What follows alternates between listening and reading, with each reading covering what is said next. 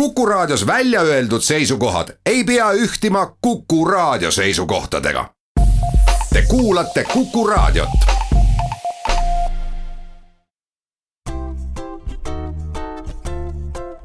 patsiendiminutid, Patsiendiminutid toob teieni Eesti Patsientide Liit tere, hea Kuku kuulaja, mina olen Kadri Tammepuu ja me räägime tänases saates patsientide ühendustest ja vabakondadest.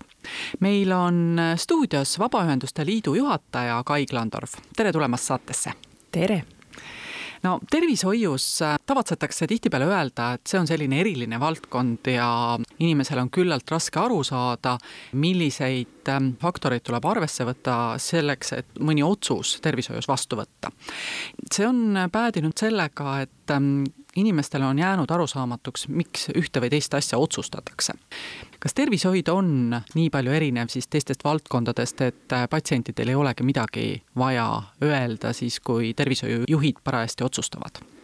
kindlasti on vaja kaasa rääkida, et muidugi meditsiinivaldkond on selles mõttes natukene erilisem, et see puudutab, on ju, patsienti isiklikult ja patsient on äh, täiskasvanud inimene, kes äh, tegelikult ju tahab kaasa rääkida nendes otsustes, mis teda puudutab. olgu see siis äh, meditsiiniline konkreetne ravikäigu valik või olgu see natukene laiem meditsiiniteenuste kättesaadavus üleüldisemalt, et palju on ju räägitud kohalikul tasandil näiteks perearsti kättesaadavus ja, ja seda lahendataksegi kogukondliku probleemina. patsiendid ja arstid koos võiksid panna pea kokku ja mõeldagi, on ju, et, et kuidas me oma meditsiiniteenuste kättesaadavuse probleeme saaksime lahendada ma ei ole nõus sellega, et meditsiinisektor on kuidagi erilisem kui mõni teine, sest et tegelikult seesama tendents on kõikides teistes valdkondades ka.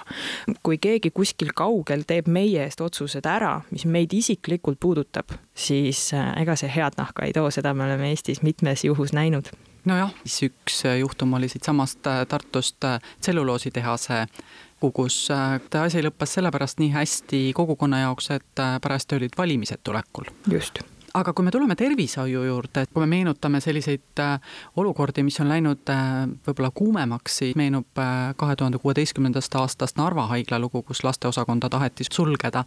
teine juhtum oli siis hiljem Valgas, kui sünnitusosakonda suleti ja Põlvas, kus olukord tegelikult ei rahunenudki, enne kui osakond kinni pandi. no sina oled jälginud ka lähemalt seda Põlva juhtumit, et mm, mis seal siis valesti läks või mis seal valesti tehti?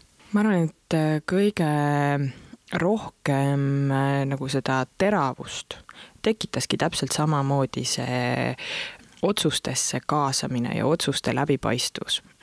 meil on oluline, et me demokraatliku riigina jõuame sinna, et, et sellises äh, mastaabis niivõrd oluliste otsuste tegemine peab olema läbipaistvam. ja kui seal on ka delikaatseid teemasid, siis tegelikult me peaksime saama neist avameelselt ja avalikult rääkida, ilma et keegi osapool tunneb ennast äh, rünnatavalt. kõige valusamalt ma näengi, et see kogukond tegelikult tunneb, et nad ei saa aru, miks selline otsus on äh, langetatud. ja, ja see ongi see koht, kus tuleb teha selgitustööd me ju palju oleme rääkinud sellest, et arst peaks selgitama raviotsusi patsiendile, täpselt samamoodi tegelikult peaks selgitama meditsiinivõrku puudutavaid otsused kogukonnale on oluline, et kogukond saab aru, mis on selle otsuse taga, mis on nii-öelda pikem plaan, sest ega kogukond ju lähtubki sellest, et nende jaoks teenuste kättesaadavus halveneb. ilma täiendava tõestuseta, ilma täiendava selgituseta, et mis see alternatiiv siis on või et kuidas äh, teenuse pakkumine pikemas perspektiivis hakkab välja nägema, et kogukond kardab ja, ja kogukond on ju kokku puutunud ääremaastumisega kaasa tulevate teenuste vähenemisega ja tsentraliseerimise tagajärgedega. elanike arv on väga suuresti vähenenud viimastel aastatel ja see tekitab ainult pingeid juurde, et kui järjest sulgetakse, järjest koondatakse, siis loomulikult kogukond on ärevil siin on ka täpselt see, et kogukonnal peaks olema võimalus ise kaasa rääkida, et noh, et meil on teatavad väljakutsed ühiskonnas, loomulikult, me saame sellest aru, me oleme väike riik, meil ei ole ressursse piiramatul kujul ja on vaja teha valikuid. aga kogukond peaks olema nendesse valikutesse kaasatud. kas sinu hinnangul jäi kogukond siis praegu kuidagi otsustest kõrvale? Jah, ma arvan, et seda kõige rohkem kogukond äh, ise vähemalt tunneb. et neid mitte ainult ei jäetud kõrvale, vaid äh, noh, võeti ka nende jaoks konkreetseid samme, et nad ei saaks kaasa rääkida väga tihti me kuuleme, kui on äh, koolivõrgus probleeme, et siis tehakse niisuguseid kogunemisi. hoolekogu tuleb kokku ja koolipere tuleb kokku ja, ja lapsevanemad laiemalt äh, ja kõik, keda, keda see puudutab, siis äh, tullakse kokku. mina kunagi ammusel ajal töötasin õpetajana ja mäletan täpselt sellist juhtumit, et kui koolis oli üks probleem, tuligi kogukond kokku, istus maha ja, ja arutas, et mis me nüüd teeme praeguseks äh, tegelikult see kool, kus ma töötasin, ongi kinni pandud, et äh, kogukond ühiselt äh, jõudis ka selleni, et ega ei jaksa pingutada ja, ja, ja neid ressursse lõpmatult sellesse investeerida, on ju. ja tuligi leida muud lahendused. aga need lahendused töötati kogukonnaga koos välja et praegu sellist, et võtame kogukonna kokku ja kuulame ära, mis on teie mured ja hirmud ja, ja reaalselt räägime teile, räägime teiega koos, mitte ei, ainult ei informeeri teid, et sellist asja mulle tundub, et Põlva juhtumil äh, tegelikult väga palju ei olnud. Meditsiinivõrgu ümberkorrastamise öö, äh, otsuste juures olemist ja selle otsuste juures kaasamist öö, äh, ma tegelikult väga palju näinud ei ole no siin ilmselt nüüd ähm, oponent ütleks vastu, et äh, aga kus siis äh, oli kogukond, kui äh, neid plaane tehti, sest plaanid said alguse ju kahe tuhande seitsmeteistkümnendal aastal, kui Põlva haigla müüdi edasi kliinikumile, enamusosalus sai kliinikum ja sel ajal ju kirjutasid tollele lepingule alla kohalik omavalitsus ja, ja haigla juhtkond. ja seal oligi otsustatud, et, et sünnitusosakond läheb kahe tuhande üheksateistkümnenda aasta lõpus kinni mis sa arvad, kui plaan on tehtud, kas äh, selliste plaanide juurde peaks kogukonda kaasama? kindlasti peaks, et see ongi see koht, kus tegelikult see nagu juur selle probleemiga ulatubki tegelikult kaugemasse ajalukku, on ju. me näeme tegelikult äh, väga tihti seda, et kohalik omavalitsus on sunnitud mingeid otsusi tegema ja see on, see on arusaadav. selline plaan ka tol ajal koos vormistati aga see on tegelikult koht, kus oleks pidanud juba kogukonda kaasama, jah, arutama teatavaid neid väljakutseid, mis haiglal ees seisavad ja ka siis rääkimagi võib-olla natukene neid tagamaid, et miks selline otsus on äh, tehtud, sest siis oleks pidanud hakkama juba tegelema sellega, et äh, et äh, see alternatiivteenus, mida praegu kujundatakse, oleks pidanud juba hakkama nagu töösse minema koos kogukonnaga, et olekski ka selline positiivne ühendav tegur, et kogukonda reaalselt ka panustatakse siis sellega, et et, et me loomegi midagi äh, kogukonnale asemele et me ainult ei tegele sellega, et võtame kogu aeg ära, vaid reaalselt anname ka kogukonnale võimaluse panustada siis sellesse, et mis siis asemele tuleb. Läheme siit korraks pausile, peatselt tuleme tagasi ja jätkame juttu Põlva haigla näitel kogukondade kaasamisest. patsiendiminutid. patsiendiminutid toob teieni Eesti Patsientide Liit stuudios on Kai Klandorf ja Kadri Tammepuu.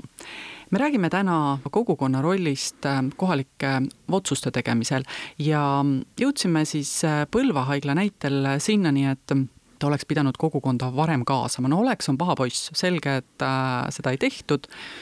kuidas sulle tundub, et kui on, plaan on juba valmis, poole pealt selgunud, et siiski on jäänud midagi olulist tegemata. kas peaks selle plaaniga ikkagi nui neljaks edasi minema või äh, võiks ka midagi teisiti teha? eks selle plaani koostamisel oli ju tol hetkel ka oma põhjus. ja ega need põhjused ju suure tõenäosusega ei ole ära kadunud. kui nad on ära kadunud, siis muidugi oleks vaja plaane ümber vaadata. aga kui need põhjused on alles, aga kogukond nendest põhjustest aru ei saa, siis seal on vaja tegelikult ka tagantjärgi ikkagi selgitustööd teha. et see, et äh, osapooltel on erinev info ja erinev arusaam, see on, see on loomulik ja enne üldse selleks, et ei läheks asi teravaks, selleks, et ei läheks see vastandumine nugadele, nagu ta võib-olla praeguseks on kohati läinud, siin on juba läbi meedia on näha seda, et on väga teravad need väljaütlemised kohati, siis tegelikult on see nagu ühisele lehele saamine nii-öelda hästi vajalik, sest et üks väike kogukond, nagu seda on Põlva või, või ka Valga, on ju, nad ei saa lihtsalt lubada endale seda, et nad on omakeskis seal niimoodi pahuksis kogukonna ühtsuse ja kogukonna terve ja, ja üheskoos edasiliikumise nimel tasub äh, ka poole peal, kui näha, et asi hakkab minema kuskil suunas nagu liiga teravaks, siis tegelikult see on see koht, kus alati äh, ma soovitan just ka kaasamises võttagi niisugune väike time out, tuua osapooled kokku ja vaadata, mis teha annab. jõuga läbisurumine, see ainult süvendab äh, vastandumist ja jõuga läbisurumine toob kaasa veel enam seda, et, et nende inimeste seisukohtade muutmine on keerulisem. et kui me tahame, et kogukond mingit otsust toetaks, siis mida varem sellist tüli alguses seda teha saab, seda parem kes selle rolli peaks võtma, et äh, nüüd kedagi kaasata? kas kogukond peab ise olema aktiivne, koputama otsustajate ustele või on see vastutus kusagil mujal? no eks ta on kahepoolne praegu vähemalt kogukonna poolt ma olen kuulnud seda, et nad on aktiivselt üritanud koputada erinevatele ustele. eluterve ja hästi toimiv kogukond algab ikka sellest, et selle eestvedajate mõttemaailm kannab endas seda väärtust, et ma tahan teha kogukonnaga koos me anname ise sellist ajakirja välja, nagu seda on Hea kodanik ja viimases äh, numbris, mis nüüd siin pühade ajal ilmus, on ka üks lugu siis äh, Väätsa külast. ja vot tegelikult selliseid näiteid ma tahakski võib-olla Eestis rohkem näha, kuidas eestvedajad on, on loonud selle situatsiooni, et kogukond koos tegutseb, koos panustatakse ja väga huvitaval kombel Väätsa täiesti ütleme, ei kuskil maal mõnes mõttes, nende elanike arv kasvab, nende koolis õpilaste arv kasvab, et see väga selgelt see, mida kogukond teeb, peegeldub reaalselt ka selle nagu koha elanike arvus. see kõik on ju tegelikult kohaliku omavalitsuse tulubaas, et kui sa tahad, et sinu kohaliku omavalitsuse tulubaas äh, säiliks, siis tuleb seal elanikke hoida, praegu lihtsalt on tekkinud äh, Põlva haiglas see olukord, kus äh, kohalikust omavalitsusest väga palju enam ei sõltu, sellepärast et äh, haiglat juhib juba keegi väljastpoolt no siis on oluline, et see info ikkagi liiguks, et siis on oluline see läbipaistvus et kui on tõesti see, et kogukond tõstabki ja kohalik omavalitsus tõstabki käed üles, et meist enam ei sõltu midagi, siis see tegelikult on võib-olla üks murekoht, mida haiglavõrgus tasub ka korraks analüüsida. kohalikul omavalitsusel ikkagi mingi roll haigla juures on, ta mingit osalust haiglast omab, tal mingid kohad haigla nõukogus on. kohaliku omavalitsuse juhid paneb ikkagi lõpuks paika demokraatlik hääletamine valimistel. kas kogukond võib siin ka peeglisse vaadata, et no ei läinud seekord kõige paremini ja peaks järgmine kord püüdma valida kedagi sellist, kes äh, tahab kohalikke inimesi kaasata? natuke kindlasti. kogukond peaks võib-olla sellest võtma mingid oma õpikohad ja, ja mõtlemagi, et, et meil on ju järgmine aasta tulemas uued kohalikud omavalitsuse valimised. et äh, mida me tegelikult tahame, et, et kohalikus elus äh, muudetakse aga me teame ka seda, et valimiste aeg on hästi emotsionaalne lubaduste tegemise aeg. ja võib-olla sellel hetkel, kui neid lubadusi tehakse, ka poliitikud ise võiksid endale ausalt äh, tunnistada ja, ja, ja võib-olla ka mõelda just sellele, et mis see väärtus on, mida nad kannavad kohalikus omavalitsuses.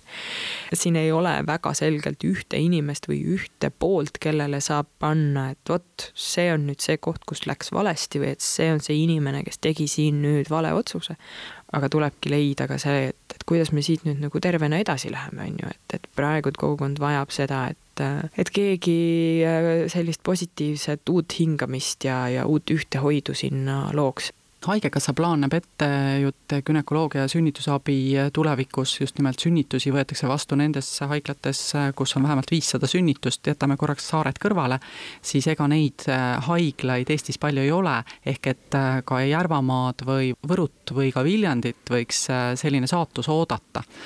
Mida sa soovitad kohalikele inimestele, et, et kuidas nad võiksid teha paremini, kui tookord Põlvas läks?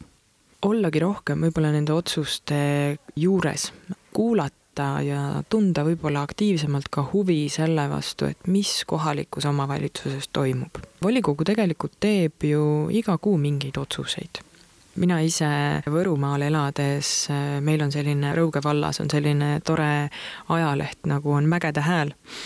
ja Mägede Hääles on alati kohaliku omavalitsuse volikogu istungite protokollid täitsa lehte trükitud ja, ja on välja kirjutatud, et mida otsustati, mida arutati.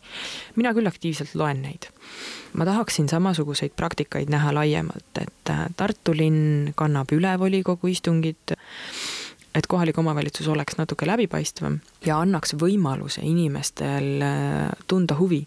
ja kui on näha, et mingi otsus on selline, mis tekitab murekohta, võttagi kogukond kokku ja seda korra arutada, et miks see autokraatlik juhtimisstiil siis ikkagi hea ei ole, et noh, kui me vaatame tervishoidu, kus kõik on viimase vindi peal efektiivne, on ju palju lihtsam, et äh, ma tulen ja ütlen, et, et kuna mul on rohkem teadmisi, siis äh, seda nüüd me teeme nii või, või otsustame teistpidi autokraatlik äh, juhtimine on statistiliselt ka kahjuks asi, mida paljud eestlased teoorias praegu toetavad. Äh, minnes tagasi ajaloos, siis ega kellelgi väga mõnus seal autokraatlikus äh, juhtimisstiilis ei olnud. et me tegelikult armastame oma vabadust äh, ja, ja oskame seda võib-olla hinnata siis, kui meilt see ära võetakse.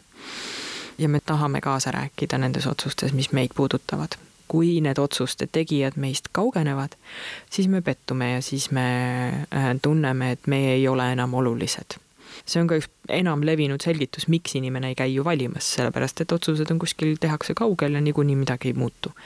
ärakuulamine inimestega, koos tegemine, ta on, ta on tülikas, ta on ajamahukam, loomulikult, aga nad kestavad kauem ja neid peab äh, harvem ümber muutma. mul meenubki siin äh, ühe intensiivarsti jutt, kes rääkis uuringust, äh, mida tehti intensiivravi osakondades ja uuriti lähedaste rahulolu kus siis selgus, et kõige rohkem olid rahul need, kelle lähedased surid mitte need, kelle lähedased terveks said.